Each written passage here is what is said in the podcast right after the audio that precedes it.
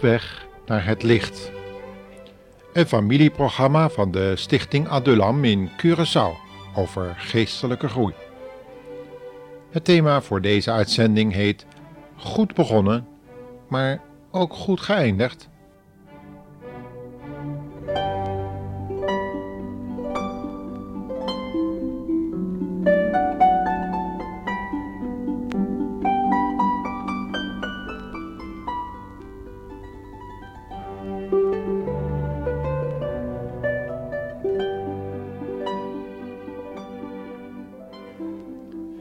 Deze serie uitzendingen over geestelijke groei en op weg naar het licht en de storingen die daarin kunnen optreden, past ook een titel zoals we hebben genoemd. Vaak begint iemand goed, maar weet hij daarin niet te volharden door gebrek aan doorzettingsvermogen, visie of motivatie. Maar het kan ook zijn dat er krachten van buitenaf op zo'n goedwillend persoon inwerken zodat hij of zij ontmoedigd raakt of op een dwaalspoor gebracht wordt, waardoor het doel gemist wordt. Vooral als het om christelijke idealen gaat, is dat uiterst pijnlijk en frustrerend, omdat christelijke idealen de hoogste zijn waarnaar wij mensen kunnen streven. Het gaat immers om de kostbare naam van onze Heiland en Heere Jezus Christus.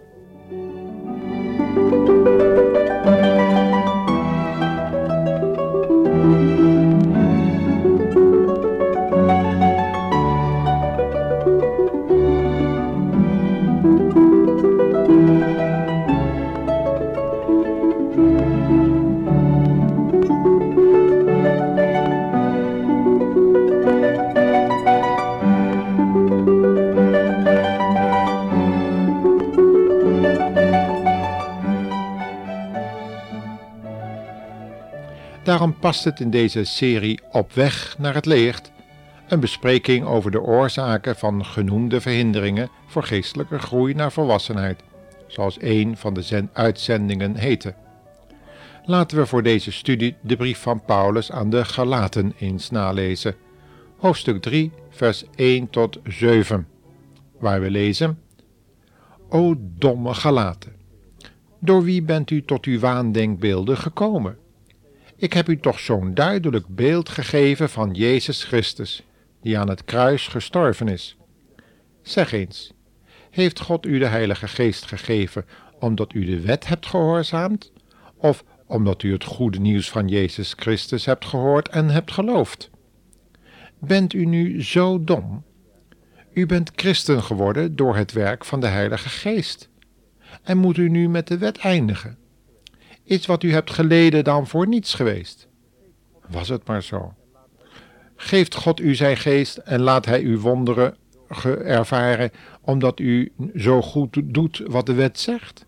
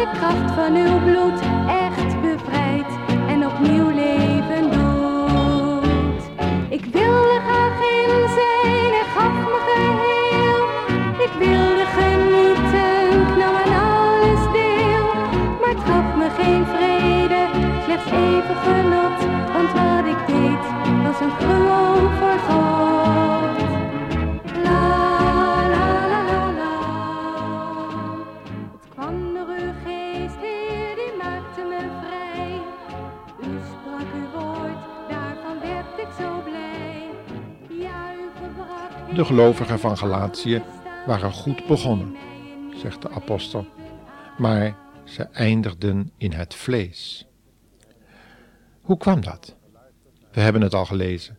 Ze hadden geluisterd naar valse leraars en gelovigen die de wet van Mozes wilden handhaven om die alsnog, maar nu in de kracht van het nieuwe leven, naar ze zeiden, te volbrengen.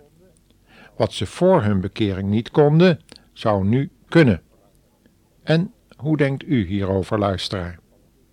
Er is immers een gezang wat in sommige kerken vaak gezongen wordt, en het is: Och, of wij uw geboon volbrachten, om die te doen uit dankbaarheid. Tja, in welke kracht en op welke manier? Wat is de gedachte hierachter? Vele christenen verkeren helaas door zogenoemde judaïstische leringen nog onder de wet en verliezen daardoor het zicht op het volbrachte werk van de Heer Jezus op het kruis. Paulus had echter duidelijk geleerd dat de wet pas wettelijk gebruikt wordt als wij onszelf door diezelfde wet laten beoordelen en veroordelen.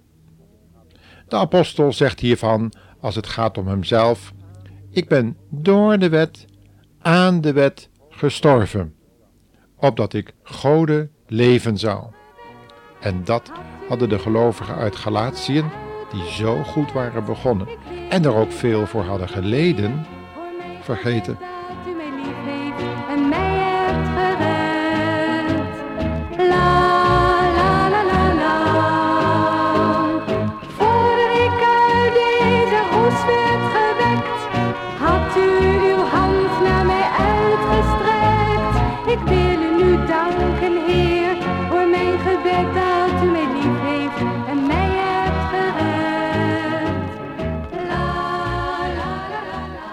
Iedere gelovige die de geest van Christus heeft ontvangen in de wedergeboorte, zal de Heilige Geest bedroeven als in eigen kracht getracht wordt de beginselen van de wet te volbrengen.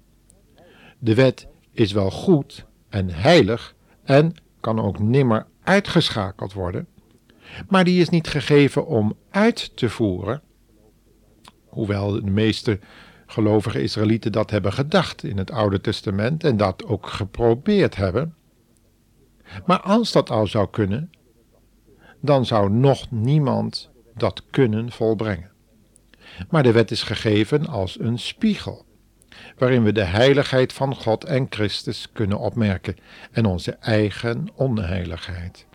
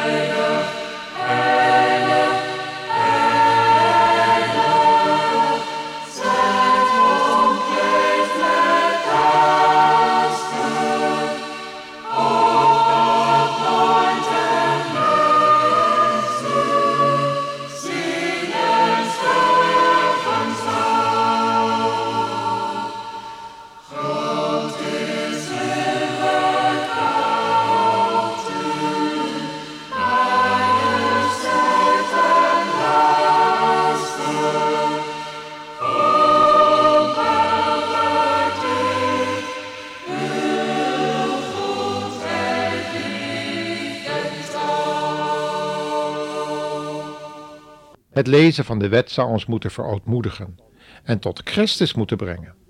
Zoals het in de schrift staat, het einde van de wet is Christus. Laten we eens lezen hoe koning Josia in het Oude Testament reageerde toen hij na lange tijd de woorden van de wet weer hoorde voorlezen. We kunnen het opzoeken in 2 Kronieken 34 vers 19. Waarbij we in gedachten moeten houden, ook wanneer de Heer Jezus het over de wet heeft, dat er vaak ook de psalmen en de profeten mee bedoeld worden. Toen deze koning, Josia, de oorspronkelijke tekst van de wetten hoorde, scheurde hij vertwijfeld zijn kleren en ontbood snel Hilkia, Ahikam en de zoon van Safan Abdon, de zoon van Micha. Ga naar de tempel en bid tot de Heere voor mij, vroeg de koning hen. En, zo zouden ook wij moeten reageren wanneer we bemerken dat we afgeweken zijn van de oorspronkelijke gedachten van God. Dat is het enige wat berouwvolle zondaren kunnen doen. Knielen bij het kruis van Christus. Zij mogen zijn offer aannemen, dat vanuit de hemel gegeven is aan schuldige, aan omstandige mensen, die zich als vijanden van het kruis en van God en zijn Zoon opgesteld hebben. Luisteraar, heeft u zich al ontdekt als vijand van God? Wist u waarvoor de Heilige Geest nog meer is gegeven? Om de wereld te overtuigen van zonde, gerechtigheid en oordeel. En de Heilige Geest gebruikt, net als in de tijd van Josia in het Oude Testament, graag de wet van God om ons van zonde te overtuigen, door ons in aanraking te brengen met de heilige en rechtvaardige eis van God. En we zouden eigenlijk net zo moeten reageren als deze godvruchtige koning Josia. Wanneer we bemerken dat ook wij afgeweken zijn van de oorspronkelijke gedachten van God. Want dan is het enige wat wij als berouwvolle zondaren kunnen doen, knielen bij het kruis van Christus, zoals Josia dat deed bij het altaar. Wij mogen dan zijn offer aannemen, dat vanuit de hemel gegeven is door God aan schuldige, opstandige mensen, die zich als vijanden van het kruis en van God en zijn Zoon opgesteld hebben. Vele christenen tobben met het feit dat ze vaak pas na hun bekering beginnen te merken dat er geen enkel goed in hun woont, zoals je dat in Romeinen 7 kan lezen. Het lijkt wel alsof ze zich steeds slechter beginnen te voelen. Vroeger dachten ze nog niet zo slecht van zichzelf. Er waren wel altijd mensen die het er slechter leken afgebracht te hebben.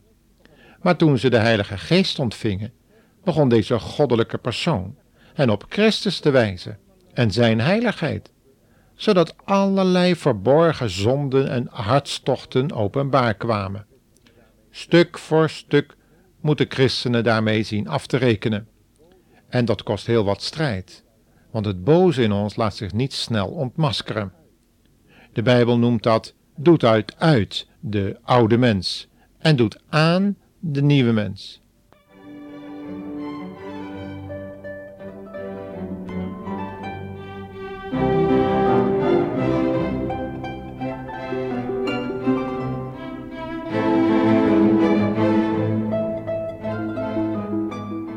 Willen wij begrijpen wat de Heer Jezus bedoelde met de woorden wie volharden zal tot het einde, die zal behouden worden, dan zullen we ook dagelijks ons kruis moeten opnemen in de navolging van Christus. Wie met de Heer Jezus wil regeren in zijn vrederijk op de nieuwe hemel en aarde, zal bereid moeten zijn om Jezus woorden aan te nemen, die staan in Johannes 16, vers 33. Deze dingen heb ik tot u gesproken opdat u in mij volkomen vrede hebt. In de wereld zult u verdrukking hebben, maar hebt goede moed. Ik heb de wereld overwonnen. Laten we ons aan deze woorden houden, luisteraar, zodat we het christelijk leven niet alleen door een daad van geloof goed beginnen, maar ook in geloof en volharding, ook als het tegenloopt, beëindigen, totdat Hij, de Heer Jezus, komt en ons zal verlossen uit het lichaam deze doods.